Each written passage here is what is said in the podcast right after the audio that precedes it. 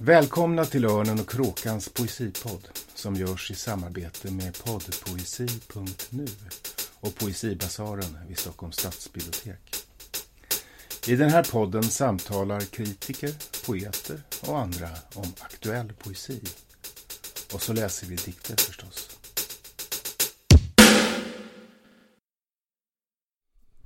Välkomna till Örnen och Kråkans poesipodd. Idag är det den 24 maj. Och vi sitter och spelar in i mitt kök för första gången någonsin. Och framför mig här på köksbordet så ligger det travar av bilderböcker. Otroligt många. Eh, och, och vid min sida, eh, invid alla travarna och tittande ut över dem och springande de stör, största travarna med sig är, har vi Li Malm. Hej. Hej! Hej. Välkommen hit. Tack så mycket.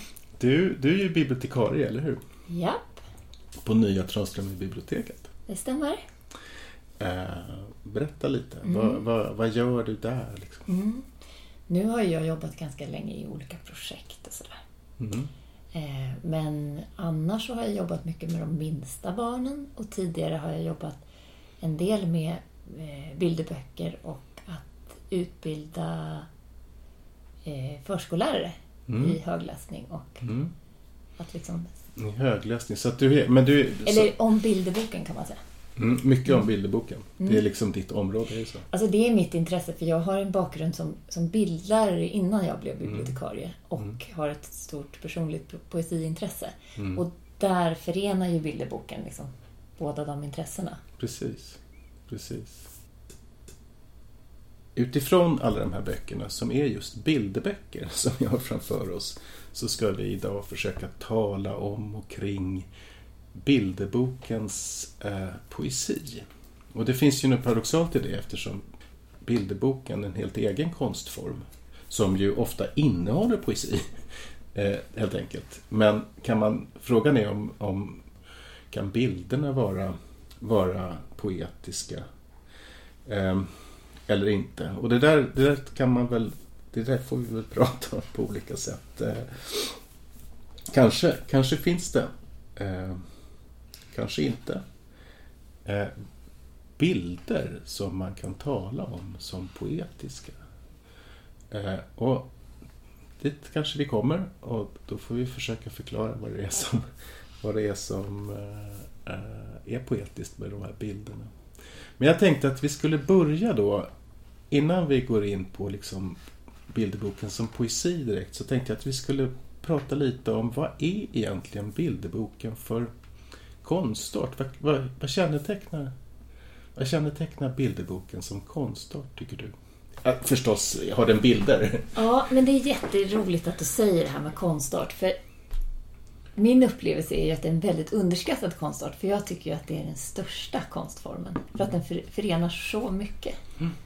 Eh, Den förenar ett psykologiskt perspektiv, den förenar ett, ett barn-vuxen-perspektiv. Alltså det är dubbla läsare. Både, man riktar sig till två, två målgrupper kan man säga i huvudsak. När, Mm. när de skrivs. Eh, och eh, det är en kombination av text och bild där, där ibland är bilden poesi eller ta, talar bilden för sig, ibland talar texten för sig, ibland samspelar de på ett intressant sätt. Mm. Eh, och det har ju gjorts en del forskning, men inte sådär jätte, jättemycket. Och det har ju inte uppmärksammats i de finare salongerna, bilderböckerna. Ja, det håller jag verkligen med om. Jag brukar alltid säga att, att bilderboken är det största som hänt litteraturen sen den realistiska romanen. Mm. Eh, och det är som du säger att den, den kombinerar ju mycket på ett sätt. Men jag tycker att om man ska, säga, om man ska jämföra med andra konstarter, nu är det ju som sagt en konstart i egen rätt. Vi kan återkomma till bilden, men du, du var inne på läsakten. Jag tänker ofta att, att bilderboken är, har ett teatralt, tydligt teatralt drag när bilden så att säga blir scenografi för uppläsningen. Eh, Man, man, det, ofta är det, en- det, det, är en, det är en högläsare och en medläsare. Och ofta har man läst boken många gånger tidigare. och man kan, man kan pjäsen så att säga. Och man kan fylla i rollerna. Och så har man då de här bilderna som en slags scenografi, ett rum för den performance som uppläsningen liksom är. Mm. Och det där tycker jag är intressant. Eh, och till skillnad från till exempel andra men bilderboken har ju också den karaktären att man, vilket man ofta gör tycker jag när man läser, i synnerhet för barn, att man, att man går tillbaka.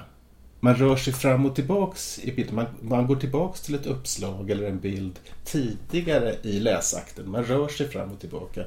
Det där tycker jag är intressant. Eh, jag vet inte, har du tänkt på det där förhållandet mellan teatern och bilderboken förut? Inte jätte... Jo, alltså jag har tänkt på det så när man läser. Alltså mm. en bra högläsare, många skådespelare är ju väldigt bra högläsare mm. till exempel. Mm. Eh, så. Eh, men sen, jag, jag, mitt jobb är ju väldigt mycket att försöka sätta mig in i barnperspektivet. Mm. Och för ett barn som blir läst för så är ju, barn preläser ju bilderna. Alltså läs, läsning kan ju vara så mycket. Alltså det börjar ju med kroppsspråket och vissa, vissa böcker jag tog med här som ett exempel. Mm. Eh, jag ska beskriva dig så fin som du är av Siri Ahmed Backström här. Mm. Som är där man går igenom barnets kropp till exempel. Där utgår man ju från, från kroppen som språk. Som mm. är barnets första språk. Mm. Och det finns ju liksom en poesi kopplad till, till kroppen också. Absolut. Och, och, där, och det finns också en poesi kopplad till bilderna eh, som också är barnets kanske andra språk. Eller mm. vårt andra språk. Och där, Hur menar du? Liksom utvecklingspsykologiskt? Ja, för att först när vi föds så ser vi ju ingenting. Nej. Nästan. Eh, Men hör bra. Ja, och vi känner... Mm. Vi hör ju, men vi kanske inte förstår språket och kommunika- vi kan kommunicera. Liksom. Det är mm. vår utgångs, utgångspunkt. Så det är väl det som är med bilderboken egentligen, att den är så otroligt kommunikativ. Den bygger på kommunikation bara liksom. En, mm. den, på, på så många med, dimensioner. Jag håller inte med om det. Nej, jag tycker att den bygger mycket mer på eh, jag menar, det är eh, kommunikation, om man tänker sig att kommunikation är att man gör någonting gemenskap, gemensamt, att man liksom förstår tillsammans, mm. så tycker jag att man alltid förstår olika när man läser bilderböcker. Det är min erfarenhet av att jag har läst för barn också väldigt mycket. Mm. Att det de upplever är någonting, det är alltid väldigt individuellt. Om man läser för en förskoleklass till exempel. Uh-huh. så, och, och sen uh-huh. pratar om boken med de som man har läst för, uh-huh. så har de alla extremt olika. Allt, det är min absoluta erfarenhet. Men är inte det så i livet också? Att vi jo. går och missuppfattar Jo, precis. Men då kan man, menar, om man tänker sig att, vad är kommunikation? Om man mm. tänker sig att kommunikation är just att göra mm. någonting gemensamt, att man mm. förstår någonting på samma sätt ja, tillsammans. Så, är det, mm. så tycker jag inte det. Nej, men jag tänker liksom att det är så sällan i livet som vi sitter så koncentrerat så länge och tittar på samma sak och pratar om samma mm. sak tillsammans. Liksom. Fast de då upp, erfar som olika saker. Precis, vi kanske erfar olika saker mm. utifrån den. Men det kan vi nog göra ur en eh, konversation också. Absolut. Alltså hur samtalet ja, absolut. var. Självklart. Självklart. Ja. Men berätta, du hade det här exemplet. Ja, eh, och då går man liksom igenom det ansiktet så här, att man har, du har, jag ska försöka beskriva dig. Det är en slags, kan man säga, det är nästan en slags pekbok. Ja, mm. precis. Den är jätteliten i formatet, bara 12 mm. gånger 12 centimeter. Och så mm är det jätteenkla linjeteckningar på en stiliserad näsa som är nästan som ett L bara. Och så mm. står det Du har en näsig näsa. Mm. Två kindiga kinder. Mm. En pannig panna och en munnig mun. Och så fortsätter den så här. Och då är det just, det, det är på ett sätt, det är linjeteckningar så att man, det är inte alls självklart. Det är kanske bara sex linjer eller något sånt där i den där teckningen. Så att man måste verkligen fylla ut bilden för att, den ska, mm. för att man ska förstå att texten beskriver samma sak. Men här är det ju, precis som du sa med, med, med teaterföreställning. Så är, det här är ju en riktig teaterföreställning för att det här är ju bara ett manus till att liksom gulla med sitt mm. barn som sitter mm. där. Att man liksom mm. trycker på näsan kanske, mm. eller man gör ju mm. saker liksom fysiskt. Så att den här boken är ett sånt bra exempel på stiliserad, stiliserad eh, eh, poesi kan man säga, som är både kroppslig och bildlig, bildmässig och och eh, verbal. Mm. Eller i skrift. Precis. Och, och det, det är Sara Ahmed Backströms, alltså Mm. Jag ska försöka beskriva dig precis så fin som du är, heter den. Mm. Ja. Eh, Och det är ju po- poesi, bara den titeln. Det är många titlar som är poesi. Det är verkligen Ja. intressant. Men den där relationen, vi ska ta, ta med den där relationen. Jag tycker du, nu tog du upp många intressanta saker. Det ena är, är förstås ehm, det, det fysiska, det kroppsliga i läsakten. Det har med poesi att göra. Eh, poesi är ju ofta, men det att vi talar om, om versfötter till exempel, det, det beror ju på att, att poesin har sin ursprung i dansen. Mm. Eh, och jag som har, har ägnat mycket av mitt liv åt att översätta Sappho som är liksom 2500 år gammal. Eh, där är ju poesin knuten till sången och rörelsen och rytmen. Eh, så det finns ju en, så, en sån...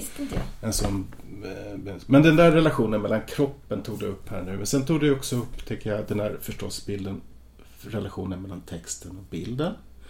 Om, om bilden förklarar texten eller lägger någonting till den, gör någonting annat. Och så tog det kanske lite också upp det här som är berättelsen, som är liksom det dramaturgiska i, i och jag tänkte, jag tänkte ta upp två, när vi nu är på pekboksstadiet så tänkte jag ta upp två klassiker som handlar om den här som är på, på ett sätt är lite olika. Och det ena är Eh, en av Max-böckerna som ju kom på 80-talet av Barbro Lindgren och, och Eva Eriksson och som är en serie böcker. Jag tycker att den bästa är den som heter Max dockvagn. Eh, och det här var ju böcker som som eh, eh liksom undersökte barns eh, språklighet. Eh, eh, texterna liksom, de är de, de försöker, de helt enkelt är försökt skrivna utifrån barns språk, ett litet barns språk. Max Dockman. Eh, och de är ofta, vad det gäller berättelsen och dramaturgin, otroligt komplexa. Den här Max Dockvagn, den liksom där är texten talar utifrån Max perspektiv hela tiden. Men bilderna talar utifrån ett mycket större perspektiv. Så att man ganska snabbt när man läser det här med, med ett barn så inser de att slutet på boken eh, där sker någonting i bilden som Max inte förstår. Som Mm. texten inte förstår. Mm. Och det är ju på ett sätt en berättarteknisk, kanske mer en prosa konst, konst att Mm. göra en berättelse som är intressant. Och om man ställer, det, ställer den där klassikern, Max Dockvagn och, och Max-böckerna bredvid en annan klassiker, nämligen Eh, Anna-Klara Tidholms Knacka på-böcker, som också är en serie som kom tio år senare, kanske i slutet på 90-talet. Där är de, de är ju då, eh, jag har tagit med mig Nalle Hej, som kom 97 tror jag, som jag tycker är en de är precis som den bok du talade om nu. Där är bilderna, det är pekböcker för bilderna illustrerar. Eh, det står gubbe glad och så, är det en, så ser man en glad gubbe. Och så gör man den där identifikationen liksom, Mm, på något mm. sätt. Eh, men jag tänker att eh, de är ju också poetiska. Därför att de där, de där fraserna som alla är rytmiskt likadana. De är det som kallas för en versfoten anapest. Det vill säga det är två korta, en lång. Nalle, hej, Mm. knacka på, Mm. blomma. Så Mm. vidare. Eh, det är ju på ett sätt själva grejen med de där böckerna. Det är just den där rytmen. Och just småbarnsbilderböcker, där är ju det återkommande i de bästa småbarnsbilderböckerna att man använder sig av rytm. På Mm. ett, just den... Varför är det så tror du? Eh, men det har ju också att göra med hur vi uppfattar språket och hur vi liksom eh, tar till oss språket som rytm. Och jag tänker på Helsing framför allt. Eller Mm. eh, som jag tog med här, Lalo trummar, Eva Susso och Benjamin Shaw. Eh, som också har det där vers, eh, versformatet som är eh, Mamma sover, pappa sover, Aisha sover, Binta sover, Babo pruttar. Men var är Lalo? Och sen är det Hunden vaknar. Hönan vaknar. Men var är Lalo? Pim, pom, pim, pim, pom. Lalo trummar. Och här kan man ju liksom också använda trummandet och för att förstärka. Ja. för att förstärka den här rytmen. Mm. Den här boken eh, brukar jag läsa för de allra, allra minsta barnen på, eh, när jag har såna BVC-träffar. Mm. Mm. Och då är ju barnen mellan fem till nio månader kanske. Mm. Och de blir totalt hänförda av liksom trumman trummar och regnet droppar och Mm. de här ljuden som är väldigt enkel liksom kring. Som du då också gör som en slags Mm. ljudrekvisita. Mm. Mm. Mm. Men får jag fråga nu då dig, eh, för att nu komma till det poetiska. Om man då tänker sig att, eh, vad gör det med dig när du läser det där? Som inte är, är vad det var, 59 månader utan är äldre. Vad, vad, liksom, vad händer i dig när du läser den där tvåtakten? Ja, men det är nog precis som med musik. Alltså en, en ökad närvaro kanske, Ja. Ja. skulle jag tro. Och att den... Eh, jag har ju läst den här boken hundratals gånger. Liksom. Mm. Eh, men jag tycker den är helt genialisk. Alltså det är det som man känner, just det här... Jag, jag liksom satte mig och räknade stavelserna för att se om det fanns någon, någon, någon form som var... Eh, men jag kunde inte riktigt identifiera det. Jag kan inte tillräckligt mycket om versmått för att säga direkt vad det är för versmått. Men det är ju en tvåtakt. Det är liksom... Precis. Ja. Mm. Mm. Mm. Men det är nog ungefär samma känsla som man har för musik. Liksom, att det blir en känslomässig koppling i rytmen, Mm. skulle jag tro. Mm. Men jag har inte analyserat det. Det var intressant. Ja, men jag tänker att om, man, om, om du nu läser den där så många gånger och, och fortsätter att läsa den så måste ju också du erfara någonting. Jo, som inte tror- bara är liksom Nej. att du är pedagog och... Men det är inte så att jag sitter hemma på kvällen och läser den här varje dag. Utan det är ju att jag tycker det är kul att läsa den för de små barnen och se liksom allra, allra minsta barnens reaktioner. Det är lite som att du som att spela inför en publik. Man liksom, Ja, visst. Eller hur? visst att man liksom, det, du framför någonting som du är bra på att framföra Ja. och det händer något. Liksom. Ja, och det kan jag ju bli väldigt glad över när jag tänker på alla de här små ansiktena som är helt nya inför livet och Mm. liksom Mm, tar till sig de här mm, rytmerna eller orden eller vad de nu tar till sig. Mm. Liksom så.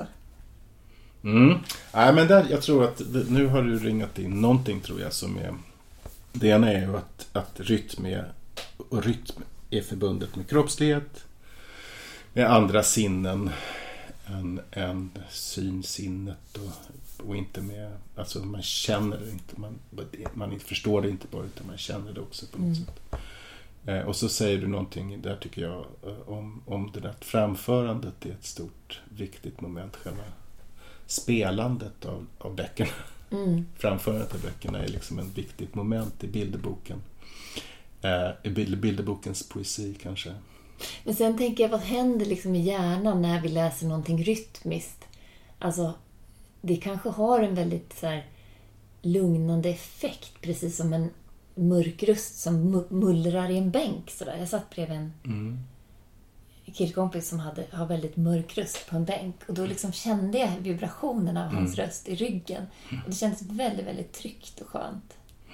Finns det inte... Jag tänker, Mullret. Och det tror jag kan vara samma för barnen. Att de, när det blir de här avbrotten i språket, liksom, tydliga, i, som i en rytm, så går det liksom in på något sätt. mm. Men det är ju inte liksom alltid, det är inte, jag tänker att rytm kan ju, är ju också extremt varierat i, i liksom, eh, vilken känsla det ger. Mm. Om man liksom, jag, tänkte, jag tog med mig en bok som inte är en barnbok men en bilderbok. Nämligen Lotta Lotas nya dikter. Som precis har kommit ut i bokform på Ekfrasis förlag. Den, den är publicerad för tio år sedan ungefär på nätet. Eh, men det är, det är 36 dikter och bilder av elefanter i fångenskap. Um, och den här rytmen, det är då metrisk. Varje, varje dikt har sex rader. Det är trokéer. Den, um, uh, och de, de börjar alltid, de börjar i en... De, uh, de börjar i att artikulera ett annat. De börjar på samma sätt. Kunde jag? Så börjar varje dikt. Och jag ska läsa en som ehm, eh, kanske någon av de här dikterna för att visa på en rytm som är eh, som, som, inte är, som inte ger en lugnande ett lugn utan som tvärtom kanske ger en sorg eller resignation. Eh, förstås i förhållande till de här bilderna som är väldigt sorgliga. Eh, hon skriver till exempel så här. Det är en, en elefant i ett bilden är en elefant i ett, instängd i ett, bakom ett galler. Eh, kunde jag det fasta galler bräcka, böja, bryta sönder och likt ljungeld och likt tordön dåna, runga bort i fjärran kunde jag som mörka molnen lösas upp i lätta slöjor. En sån rytm, den är ju inte lugnande utan den är liksom, där blir man ju liksom tvärtom väldigt liksom ja, sorgsen kanske. Men sen är det också så här att allting handlar ju om känslor liksom. Mm. Eh, och lust. Av olika slag. Eller olust för den delen. Eh, utan det så kan vi liksom slänga allt det här. Mm. Så. Mm. Eh, men jag tänkte på, på, på det här med Max Stockvagn som du läste. Mm. Barbro Lindgrens serie om Max. Den fick ju så mycket kritik när den kom för att språket är så avkortat. Mm. Jag minns det som att den fick det är liksom, jo, men, men, men eh, från pedagoger sådär. Mm. Att mhm. man inte lärde barn ja, ja, prata rätt. så. Prata rätt. Nej, precis. Mm. Prata rätt. Och det är ju liksom ett aber inom barnlitteratur att den ska vara så, så nyttig. Liksom. Mm. Och sen så är det ju en felaktig teori, för vi förenklar ju språket för barn för att barn ska förstå språket. Förstås. Så, så modern liksom, språkforskning stödjer ju den typen av... Men man kan väl säga att de vann den striden? Ja, ja, visst. Den har ju blivit visst. en... Det Men det, finns, liksom... det finns fortfarande i biblioteket föräldrar som reagerar ah, ja. mycket starkt på, på, på böcker som har fel grammatik. Mm. Men jag tänker, nu, nu, har, vi prat, nu har vi pratat om, om om språklätet och rytmen som en, en poetisk, eh, ett poetiskt element i bilderböcker. Finns det något annat element som man kan prata om som, som är poetiskt? Är, är bilderböcker poetiska på något annat sätt? Jag tänker... Alltså det som, det som slog mig när jag gick och botaniserade hyllorna på, på Transrummet-biblioteket på jobbet var att allt, nästan, i stort sett allt nästan är poesi. Mm. Och på olika sätt. Mm. Eh, och jag tycker, jag tog upp eh, eh, det här med tidigare när vi pratade om, om, om humorn. Alltså mm. att humorn, alltså jag tänker som Kristina Lund till exempel, eller andra poeter som, mm. som har använt liksom en slags, det finns en slags absurd eh, en absurditet i vissa bilderböcker. Som, och den absurditeten behöver inte nödvändigtvis vara så att man kan läsa bara ett litet textstycke och tycka att det är roligt. Utan det absurda kan vara hela situationen. Ett, mm. att man kanske sitter och läser boken med ett barn och att det är dubbla budskap. Eller det kan vara eh, att bilden är rolig ihop med texten eller motsäger texten på något sätt. Eh, och när jag menar att det kan vara en motsättning att den vuxna barnet sitter och läser den, det är att den vuxna har en förförståelse för livet som barnet inte har. Och då kan det bli så roligt för den vuxna för man inser att ja, men det här läser ju barnen på det här sättet. Och då finns det en del som lyckas att förmedla både liksom en barnhumor och en vuxenhumor mm. på en gång. Mm. Och det är ju otroligt skickligt alltså. Mm. Och det är också komplext. Det, det, har ju att göra med, som du säger, att, att bilderböcker ofta adresserar en vuxen högläsare och ett barn som medläsare. Mm. Och därför eh, så har den här dubbla adressaten och en del ett vanligt sätt att göra det, att, att liksom utveckla den där humorn som du talade om, som liksom riktar sig rakt in mot läsakten, det är ju att vända på perspektivet. Att det, är, att det är barnen som är vuxna och de vuxna som är, som är barn till exempel. Och det blir väldigt roligt i lässituationen för där är det uppenbart att de vuxna är vuxna och barnen är barn. Det är en sorts mm. absurditet som, som mm. ibland, eh, ibland mm. används. Men du, har, du har tagit med ett exempel. Ja, eh, men jag tänkte, jag tänkte också på att humor eller, eller poesin kan ju också vara att boken så, så skickligt lyckas skildra eh, lyckas skildra livet utifrån ett barnperspektiv. Så att mm. den också tar... Den, för barnet jag läser så utgår det från en realitet de befinner sig i. Och för mig som vuxen så tar texten och bilden mig tillbaka till barndomen på ett mm. väldigt så här... Mm. Det finns en bok som heter Platt av Mårten Melin och Anna-Karin Garhamn. Och den Eh, den tar ju upp... Den är dels humoristisk, men den tar också upp eh, barnets magiska tänkande. För vi har ju liksom utvecklingspsykologiskt ett magiskt tänkande som är lite olika för olika människor. För, ibland försvinner det aldrig för vissa människor. Men att man rent liksom, man kan inte skilja mellan fantasi och verklighet när man är barn. Mm. Riktigt. Det åker ihop. Mm. För vissa människor så fortsätter det vara lite så här hela livet. Men mm. För en del människor blir det ganska tydligt. Och för de flesta som lever i ett samhälle som funkar i ett samhälle som inte sitter på mental institution så kan man någonstans skilja i alla fall på vad som har hänt lite grann och mm. vad som inte har hänt. I alla fall lite grann kan man skilja på mm. det. Men den här boken utgår från det magiska tänkandet. Liksom. Mm. Och då är det en scen här där huvudpersonen har hittat en igelkott som har blivit överkörd. Och barnet ser väldigt förfärat ut och sitter på sin sin eh, sparkcykel vid en trottoarkant och tittar på. Och man kan säga att själva, det är ett, ett väldigt tydligt ett uppslag. Konstnärerna har jobbat, de har jobbat med uppslaget. Det är väldigt det är massivt, stort. Ganska starka intryck. Och texten är ganska liten, in, inrymd i bilden. Mm. Och då så säger, då frågar huvudpersonen så här. Varför ligger du bara där? Frågar jag efter ett tag. Jag har blivit överkörd, svarar igelkotten. Av en bil. Det är svårt att gå då. Det blåser lite. Några av igelkottens taggar rör sig i vinden. Vart skulle du någonstans?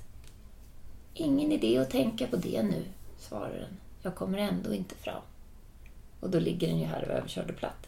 Men hela den här boken eh, mm. ifrågasätter ju inte liksom att den här igelkotten faktiskt inte kan prata eller inte är Nej. död. Och, eller inte lever längre. Och, och, Det där är verkligen intressant. Det är en, det är en sorts eh, absurditet eh, som... Men är det inte också en... Eh, jag menar alla barn som... Eller åtminstone barn som blir lite äldre. Som förstår skillnaden. Förstår att igelkotten är, är platt och överkörd och egentligen är död. Mm. De förstår ju det absurda i det hela och tycker mm. också att det är roligt just på samma sätt som en vuxen tycker att det är roligt. Är det inte så? Mm, men den här, den här boken handlar ju egentligen om döden på ett väldigt roligt sätt. Mm. Alltså för att den, den är, det finns ju ingen... Det finns ju en liten... Lite stråk av sorg och undran. Mm. Liksom. Mm. Men jag tycker att det är väldigt fint dödsperspektiv. Mm. Helt enkelt. Och väldigt humoristiskt och varmt. Och, och liksom det tycker jag, är en, det tycker jag är, har med, med bildboks, bilderboken som konstform att göra. Att den är väldigt bra på att, eh, att eh, tala om, om ganska abstrakta och filosofiska ämnen. Alltså till exempel som döden. Mm. Eh, därför att den just så här kan, kan arbeta med så många parametrar. Eh, om, den där, om, man, om man lexikaliskt eller om man bara skulle beskriva den där situationen i text så skulle det bli en väldigt att det, man skulle inte få den där förståelsen och få med den där sorgen och känslan och inför döden och samtidigt döden som faktum och döden som fantasi och döden. Och det, där är bilderboken, eh, tycker jag, ett, ett annat sånt exempel där bilderboken är väldigt, eh, så att säga, nu pratar vi inte om att den är poetiskt eh, vad ska jag säga, effektiv eller poetiskt rik. Utan snarare filosofiskt, att den kan liksom ta hand om begreppslighet. Ett annat sådant begrepp tycker jag är tid. Mm. Um, som bilderboken kanske bättre än någon annan konstform jag känner till, mycket bättre än film och, så, uh, uh, kan liksom tänka över. Och en, ett sådant exempel är, som jag ibland tar upp, det, det är Anna Bengtsson. Hon har gjort, um, hon har gjort flera sådana böcker, men en, en av dem uh, handlar om, om tiden ur ett träds perspektiv. Den heter Det kittlar när löven kommer. Och det är, liksom, det är, en, det är en bilderbok som helt enkelt beskriver tid utifrån att vara ett träd. Och det är ju en enormt komplex filosofisk operation att göra. Eh, som fungerar otroligt bra därför att den kan arbeta med bilden och texten i sitt uttryck och också med läsakten. Därför att eh, eh tiden går ju inte bara framåt som en film går från början till slut. En, en bilderbok, den, där rör man sig ju fram och tillbaka i tiden. Man kan bläddra fram och man kan bläddra tillbaka. Man läser den igen så att tiden blir cirkulär och sådär. Mm. Och det, jag tycker att det är, det, det, det är kännetecknande för, för bilderboken som konstform att den är väldigt, väldigt bra på att att liksom ta hand om abstrakta begrepp som mm. nämnde döden eller som tiden. Men det tror jag också är för att det är en sån pass fortfarande ändå oetablerad form. Att man liksom söker, att det, det, det finns en experimentlusta och det finns, mm. finns så, man kan liksom nästan inte tala om Ja, man kan tala om olika typer av bilderböcker men det börjar bli så många olika. Men vi var inne lite på det eh, och pratade om eh, den här pedagogiska bilderboken. Så på, på 70-talet så var det mm. väldigt liksom, övertydliga bilderböcker ibland. Sådär, mm. Kaj på daghem och så mm. hans mamma jobbade på socialtjänsten eller hur mm. det var. Och, och de här eh, som gavs ut av Sveriges Radios förlag som var väldigt nästan instruerande kring mm. livet. Och det kunde vara kring sexualitet också, de här Perida Minimum som var väldigt så här, faktiska. Eh, nu upplever nog ett större fokus på känslor i bilderböcker. Mm. Så. Mm. Men det kan också vara precis så att man ska lära barn känslor.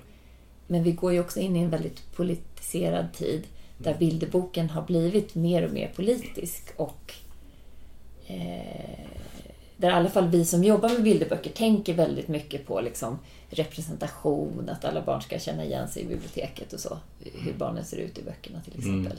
Eller att alla familjer kanske inte ska vara kärnfamiljer och så. Mm. Eh. Upplever du att det eh, står i, konflikt till det poetiska till exempel i bilderboken? Jag tycker att det har kommit mer och mer som är bra på, på alla sätt. Både konstnärligt och, mm. och innehållsmässigt. Men jag tänker mer poetiskt. Om man, om man tar de där 70-talsböckerna som Totte på dagis. Precis. Eller, eller är, ja. är det, är det, på Nej, ett men... sätt kan man ju tycka att det är också en slags poesi. En slags väldigt vardaglig, ja. liksom realistisk... Nej, men jag har ju haft sådana politiska diskussioner med mina kollegor som vill ta bort böcker som inte känns politiskt mm. korrekta men som mm. är väldigt konstnärligt högt värde på. Mm. Kan vara. Och, och det är ju det är ju en sorg liksom att, att det blir väldigt mycket politik. Mm. Tycker jag. Mm. I relation till barnbilderböcker. Mm. Mm. Eh, jag tycker nog att liksom allt ska finnas. Men man måste se det i, i tiden, perspektivet tiden när de gjordes och så. Mm. Eh, men det finns väldigt tråkiga bilderböcker som, är, som ska lära barn hur man är en bra kompis eller sådär. Mm. Eh, som mm. är nästan som instruktions och handböcker. Det är ju en, alltså vad det gäller bilderboksmarknaden, nu kanske vi är inne på ett ämne som inte hör hit riktigt, men vad det gäller bilderboken som bokmarknad så finns det ju en omständighet som är eh, bestämmande och det är att barn köper ju inte själv sina böcker utan det är vuxna som köper böcker åt mm. sina, till, åt barn. Eh, antingen är det mor och farföräldrar eller föräldrar eller vilka det nu är. Mm. Eh, och, eller bibliotekarier som köper in till biblioteken. Och, och det där, då skapas det böcker som man tror att föräldrarna vill köpa för att de vill påverka sina barn eller mm. de vill ge sina barn ett eller annat sätt. Så att trendkänsligheten går ju hela tiden via, mm. via de vuxna eftersom det är de som pröjsar så att säga. Mm. Eh, det där, men det kanske, det kanske är ett, stick, ett stickspår. Jag vill komma tillbaka till det. Jag tror inte man ska vara så rädd för det. Jag minns mm. som tonåring läste jag, jag fick av min grannes mm. Eh, en hel låda med Starlet-noveller. Mm. mina föräldrar som var rätt så intellektuella tyckte det var helt hemskt liksom, med de där Starlet-novellerna. Men när jag hade läst alla dem och att det var samma historia hela tiden så ville jag läsa någonting annat. Mm. Och så är det ju för barn också. Mm. Alltså det finns ju en, om man bara presenterar för barn de mm. möjligheterna så Ja men så är det ju. Så självklart. De... Det, är, det är självklart. Det är inte, och det är som sagt jag tänker att ehm, eh, Totteböckerna eller 70-talets eh, väldigt eh, liksom, eh, uppfostrande böcker. De har ju också senare vänts i poesi. Jag tänker på eh, jag tänker på, jo vad tänkte jag på, på Lina Ekdahl för att ta en, en, en poet. Jag tänkte ta upp en del, eller min tanke var att ta upp en del poeter som också skrivit bilderböcker. Och Lina Ekdahl har skrivit en, en bilderbok som på ett sätt leker just med den där sakligheten som kommer ur, ur den realistiska bilderboken på något sätt från 70-talet kanske, som var hennes barndom. Men jag, jag, tror också att det är ett, eh, en, ett problem i att, att litteratur för barn ska vara så nyttigt. Det ska vara så nyttigt att läsa. Och det finns ju fortfarande. Mm. Och det är jättetragiskt för att det ska ju... Vi läser ju för att det är roligt och för att vi får, får tillgång till större världar. Mm. Liksom. Mm. Men jag, jag mm. har tre exempel här på eh, just sådana lite mer politiska böcker som som också är poetiska. Och det är det som är kul nu. Att det kommer så mycket böcker som har både och. Liksom. Alltså att man... Berätta. Ja. Då är det till exempel eh, den här av Uje Brandelius och Klara Dackenberg. Det är Uje Brandelius som har skrivit den. Det är Klara Dackenberg, Dackenberg som har eh, illustrerat. Och den heter Hemma hos Harald Henriksson. Och den här boken handlar om en liten flicka som åker från förorten tillsammans med sin mamma hem till Harald Henriksson för att mamman, flickans mamma ska städa hemma hos Harald Henriksson. Och de bor i, i någon mer rik villaförort, ser man ganska tydligt i bilderna. Och då det, finns det en så fin, fin bild i början som illustrerar den här dubbelmoralen så tydligt. Och det är när, när de kommer hem till Harald Henriksson så öppnar Harald Henrikssons mamma dörren och hon säger välkomna, välkomna och stig in, stig in. Och så på väggen så hänger en, en eh, feministisk affisch. Som är eh, daterad. Ja, precis. Till 67 till 79. Ja. Mm. Och då och det är ju en väldigt dubbelmoral. Hon köper städhjälp från en fattigare person för att liksom eh, och ha den här politiska affischen på väggen. Och den dubbelmoralen är ju väldigt rolig humor när man som mm. vuxen mm. läser. Den är, hur funkar det då? Har du läst den där? Menar, det, det, är ju, man kan väl säga att där är det ju det är ett uttryck för att att bilderboksskaparna här har talar till den vuxna högläsarens eh, som kanske i sin tur kan förmedla det där och kanske berättar om kan berätta om sin läsning mm. av situationen för, för barnläsaren som möjligen inte uppfattar den omedelbart själv. Eller? Nej. Nej, jag har tänkt jättemycket på hur, hur barnet. För jag, jag tycker att den här bilderboken vänder sig till den här lilla flickan. Eller den, alltså barn i förorten som är i den här situationen, i, i den här klasstillhörigheten. Att, att, att ens är, mamma åker iväg ja, och städar. Mm. Ja, Mm. Eh, och den handlar ju väldigt mycket om hennes känslor inför en fin leksak som hon snor från Harald Henriksson, kan man säga. Hon följer med sin mamma till jobbet, till Harald Henriksson. Och eh, när mamma städar. Ja, mm. precis. Och så tar hon en sak. Ja. Mm. Och Harald Henriksson har ju jättemycket saker i överflöd. Liksom så. Um, Men, men det är ju liksom en, en, en bok för, som underlag för diskussion också. Med barnet ja. kring ja. de här känslorna. Varför mamman blir till exempel inte arg när hon tar den här transformer på gubben utan säger bara trött att vi kan lämna tillbaka den imorgon. Mm. Mm. Eh. Men är det inte en... Jag tänker den där... Eh, det finns... Eh, jag håller med om det, att det är en, det är en, en speciell bok. Jag har också läst den. Eh, den är väl gjord. Men det finns ju också något... Eh, eh, om man tänker sig att det är en eh, nyliberal eh, förälder som, som ska läsa den här boken för sina barn. Den är väldigt liksom, den antar ett konsensus med läsaren väldigt tydligt. Så här, det här, här vänder vi oss till, till en, en medelklass eh, liksom välsituerad som ska, som ska liksom undervisa sina barn om hur fattiga barn har det när de kommer till oss eller kommer mm. till andra som är mm. ännu rikare och finare mm. än oss. Det finns ju en, mm. en, en problematisk... En äh, det finns en vi och dem ja. tanke. Men, men äh, jag tycker att det är en intressant diskussion, eller intressant inlägg i pigdebatten den här. För att den sätter liksom lite fingret på problematiken med hushållsnära tjänster. Mm. Men, men, men, det är inte riktigt ämnet för dagen. Nej, men det, kan, ja, det ska man inte säga. Nej, för väldigt okay. mycket poesi idag är ju också sådan att ja, den på, på, på, lite samma sätt äh, är politisk. Äh, eller, eller så att säga talar om för de, sådana som redan vet vad de tycker, som redan tycker rätt, vad som mm. är rätt. Mm.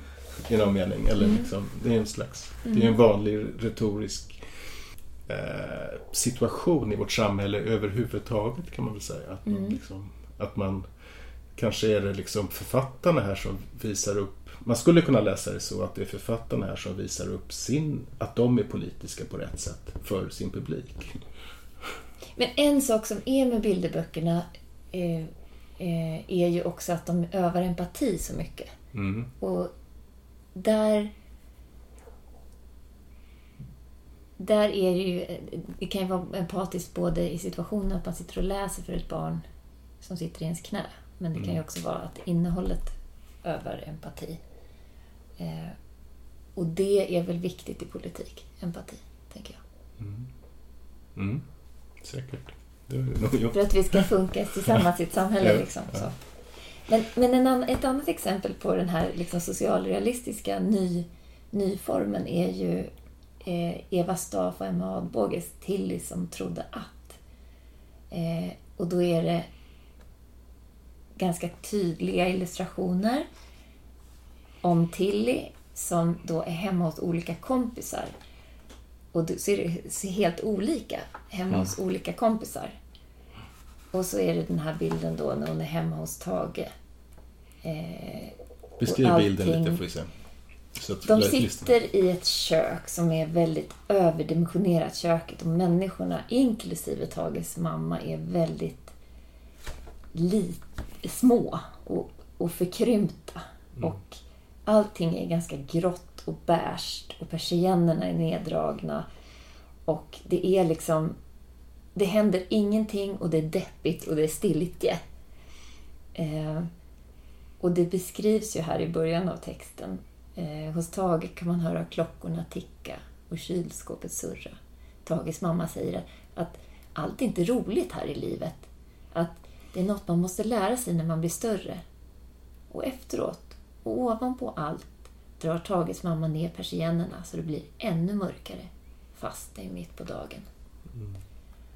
Det finns någonting... Eh, eh, Eh, jag tänker eh, det, det är ett jättefint uppslag. Det är jättefint. Det är en väldigt fin eh, kombination, liksom bildbokskombination av texten och bilden. De, de berikar varandra påtagligt.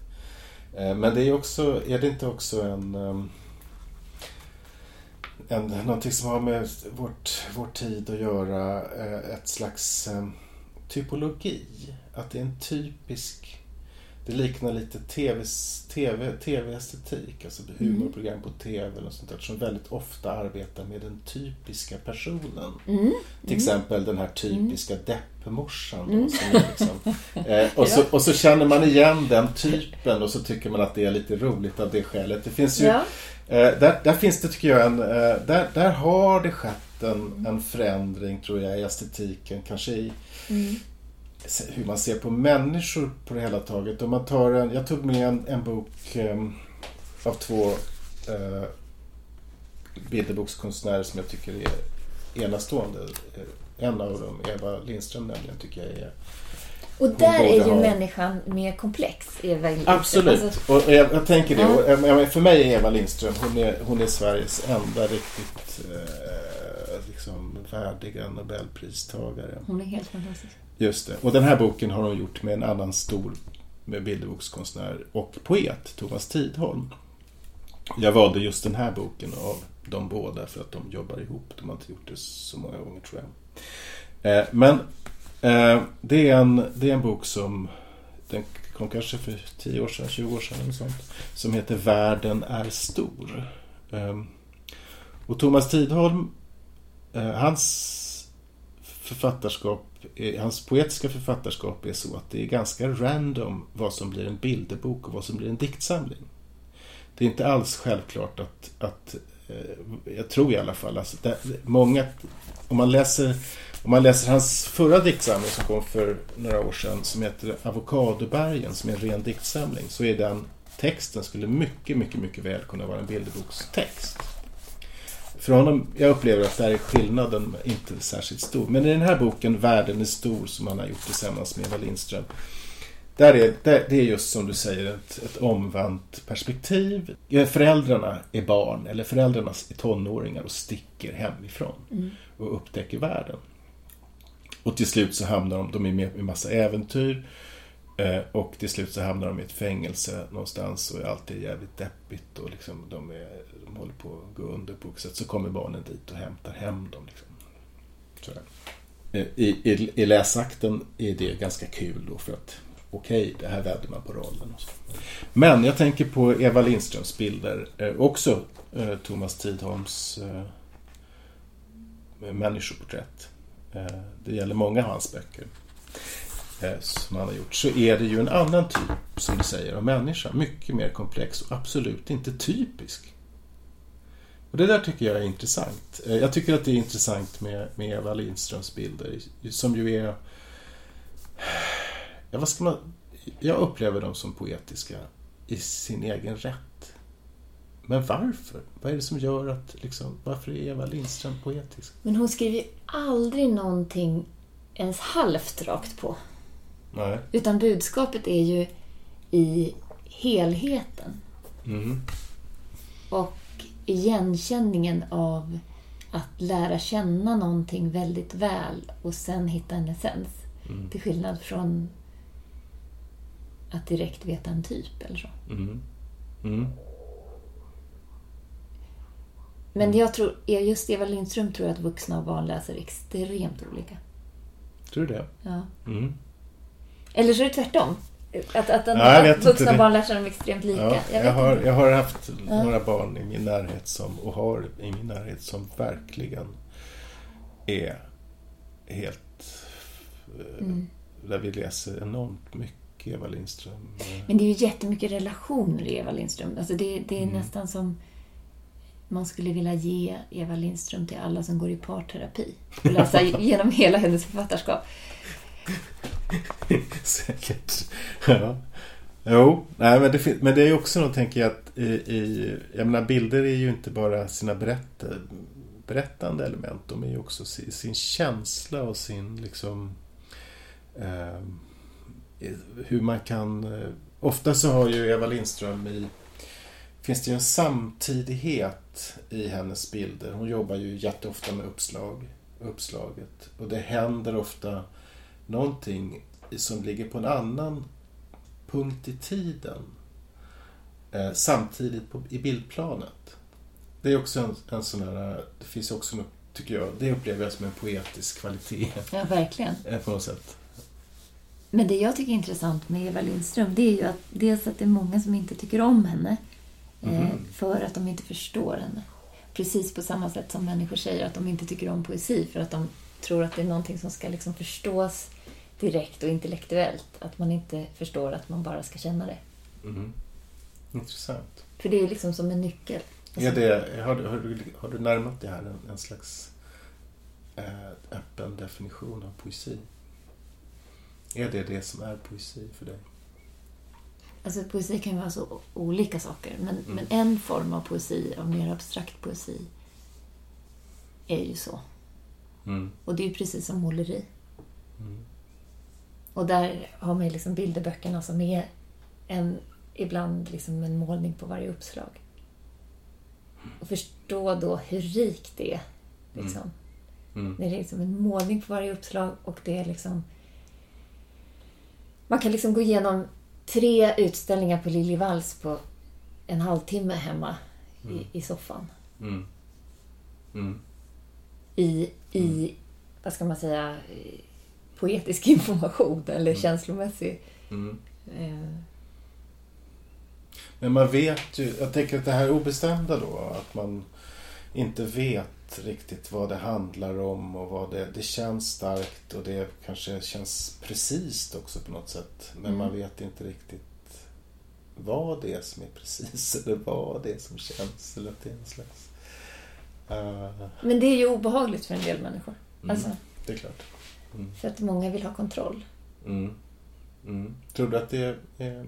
Om man, om man tänker sig att... Eh, om vi har rätt i det, det vet jag inte. Att den här typologi, typologiska eh, förhållandet till situationer och människotyper och så, att det har blivit vanligare.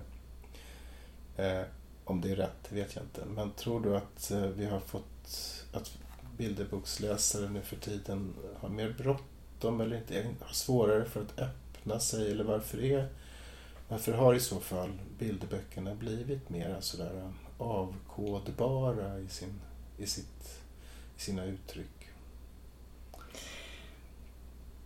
Men det är väl för att de ska sälja. Det är samma med poesi. Poesi säljer ju inte Nej.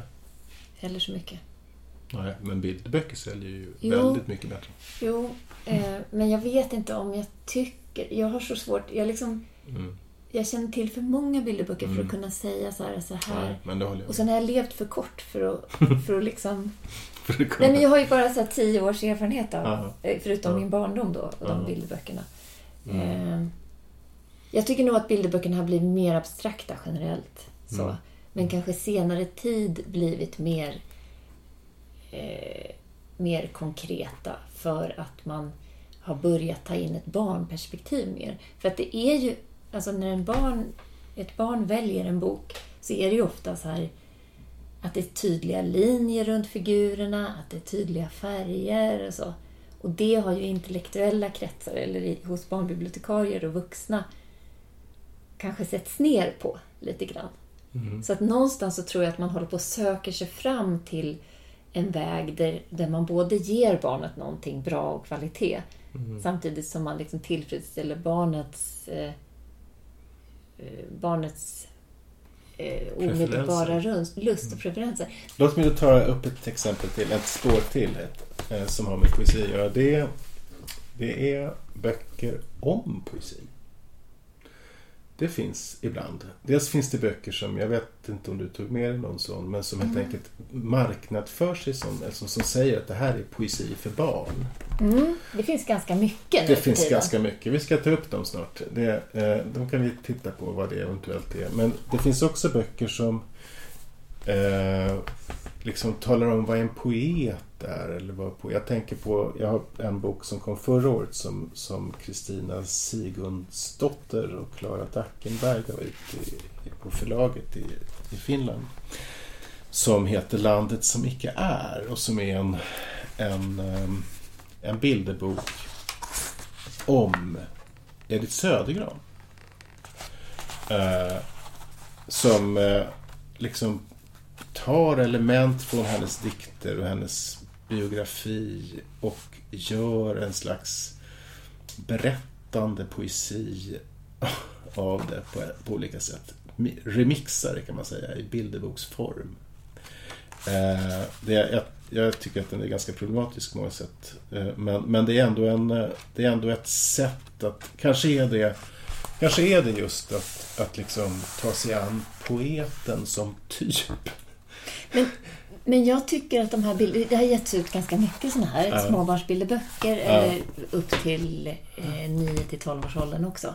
Mm. Eh, och ibland så tycker jag att bilderboken ännu tydligare lyckats fånga mm. poesin i poesin som, mm. som poeten har skrivit. Mm, eller, eller måleriet som, mm, som har målat. Mm. Eh, för att man har letat efter en essens. Mm. Och när man har fått in det i det här formatet. Men det är ju inte säkert att, att upplevelsen är likadan hos alla av, av, eh, av Edith Södergrans poesi. Och att det är ju en tolkning av hennes poesi som framförs, kan man säga. Det är klart. Det är klart.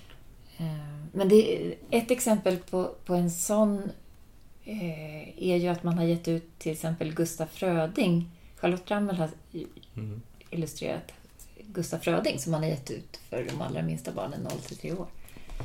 Eh, och det, det är ju ett exempel på hur vi skulle ju kunna göra så med nästan alla våra vispoeter. Liksom. Absolut. Och, och det, just att versen, rytmen finns mm. och eh, så, så det, är ju, det är kanske något som kommer komma mer och mer, tror jag. Mm. Det är väl, har länge varit en ganska, eller en befintlig genre. Det har ju funnits, jag ska säga, eh, och den, den kommer ju både från barnlitterärt håll men också från vuxenlitterärt håll för att illustrerade böcker med Frödingsdikter har det ju funnits, finns det ju hur många som helst. Fast den här är, är liksom barnlitterärt konnoterad den här Charlotte Rammels variant. Liksom. Eh, men, eh, men det finns ju många, många utgåvor av Frödings där olika konstnärer har illustrerat hans bilder för en vuxen publik. Så. Mm. Det har gjorts som olika konstnärer. Ja, absolut. det finns många sådana. Mm. Pekböcker. Mm. Men det intressanta med när barn inte gillar böcker, alltså det kanske är lite äldre barn som säger att jag gillar inte den här boken. Och det är ju ofta att man inte förstår. Och, att man, och det är inte så att jag gillar det för att jag förstår det. Men jag gillar det för att jag har accepterat att jag inte förstår det. Mm. Och det är väl det som är liksom eh, att det är i en viss ålder så börjar vi vilja förstå och vilja ha kontroll. Och det är lite olika olika barn. Men en del men, men en mindre barn har liksom inte den ambitionen och då är man ju fortfarande poetiskt fri. Mm.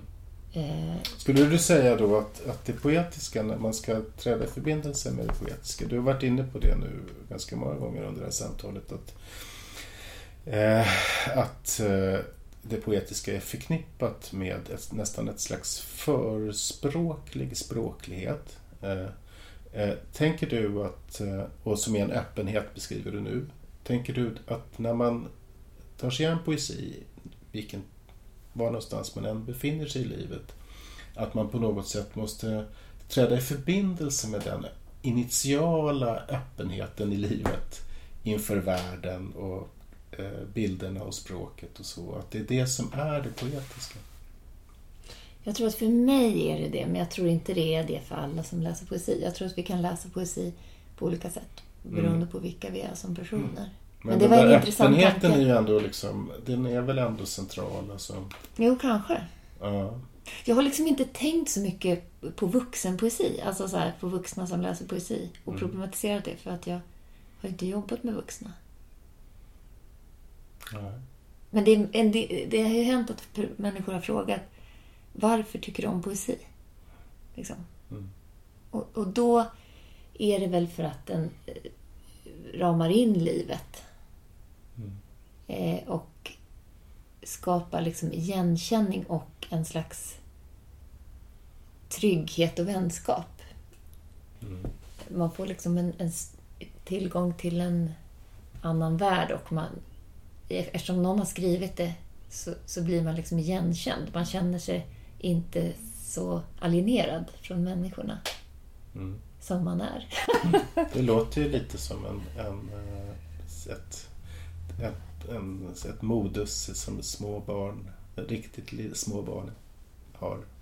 Ja. Kan ha en öppenhet också inför andras, att träda i förbindelse med andra människor. Att, att Mm. gå världen till mötes i någon Mm. mening. Liksom. Mm. Men du, eh, vi ska alldeles snart sluta för tiden går. Ska du komma med någon slags konklusion nu? Ska du säga någonting om det här ämnet? Har vi kommit någon vart överhuvudtaget i denna fråga? Du, det sista du sa var egentligen att jag gick ut i, Bibeln och sa att allt är ju poesi. Jo, så är det. Eh, nej, men jag hoppas att fler vuxna tar sig tid att läsa bilderböcker. Och speciellt människor som är intresserade av poesi. Mm, Där finns det nog mycket att, att upptäcka. mm. Det finns ju som sagt många, många poeter som skriver bilderböcker. Men också kanske att konsthallarna gör mer bilderboksutställningar. Mm. Så, för det finns. Mm. Det liksom finns ju inte riktigt... Ehm, ja, de har inte fått riktigt den uppmärksamhet de förtjänar. Så känner jag. Det håller jag med dig om. Det, det, kommer, jag tror också att, eh, jag tror och hoppas att, det gör kanske inte du, men att eh, bilderboken kommer att lösgöra sig från den liksom otroligt starka kopplingen till, till det barnlitterära. Eh, att man, eh, jag menar redan i, i realiteten kan man väl säga att bilderböcker som du har visat med dina exempel här i hög utsträckning väx, vänder sig till och talar till och genom den vuxna högläsaren. Eh, och det, det tycker jag inte är, det kan en del eh, eh barnbibliotekarier jag pratat med och så uppleva som problematiskt därför att man är så mån om barnperspektivet och man ska skydda barnen för att de är en, en, en maktlös grupp och så.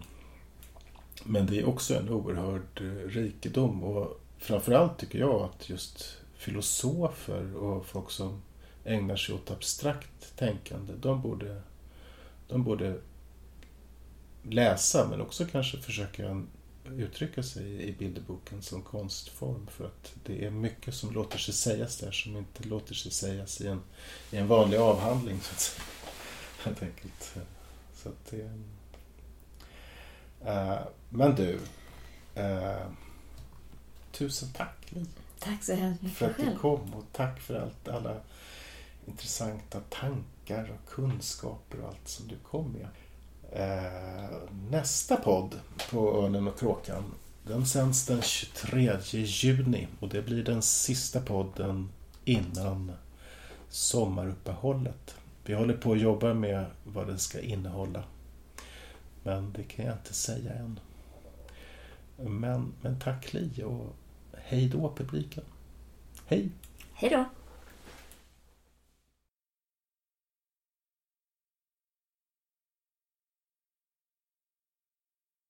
Du har lyssnat till Örnen och Kråkans poesipodd. Läs mycket mer om aktuell poesi på ornenochkrakan.se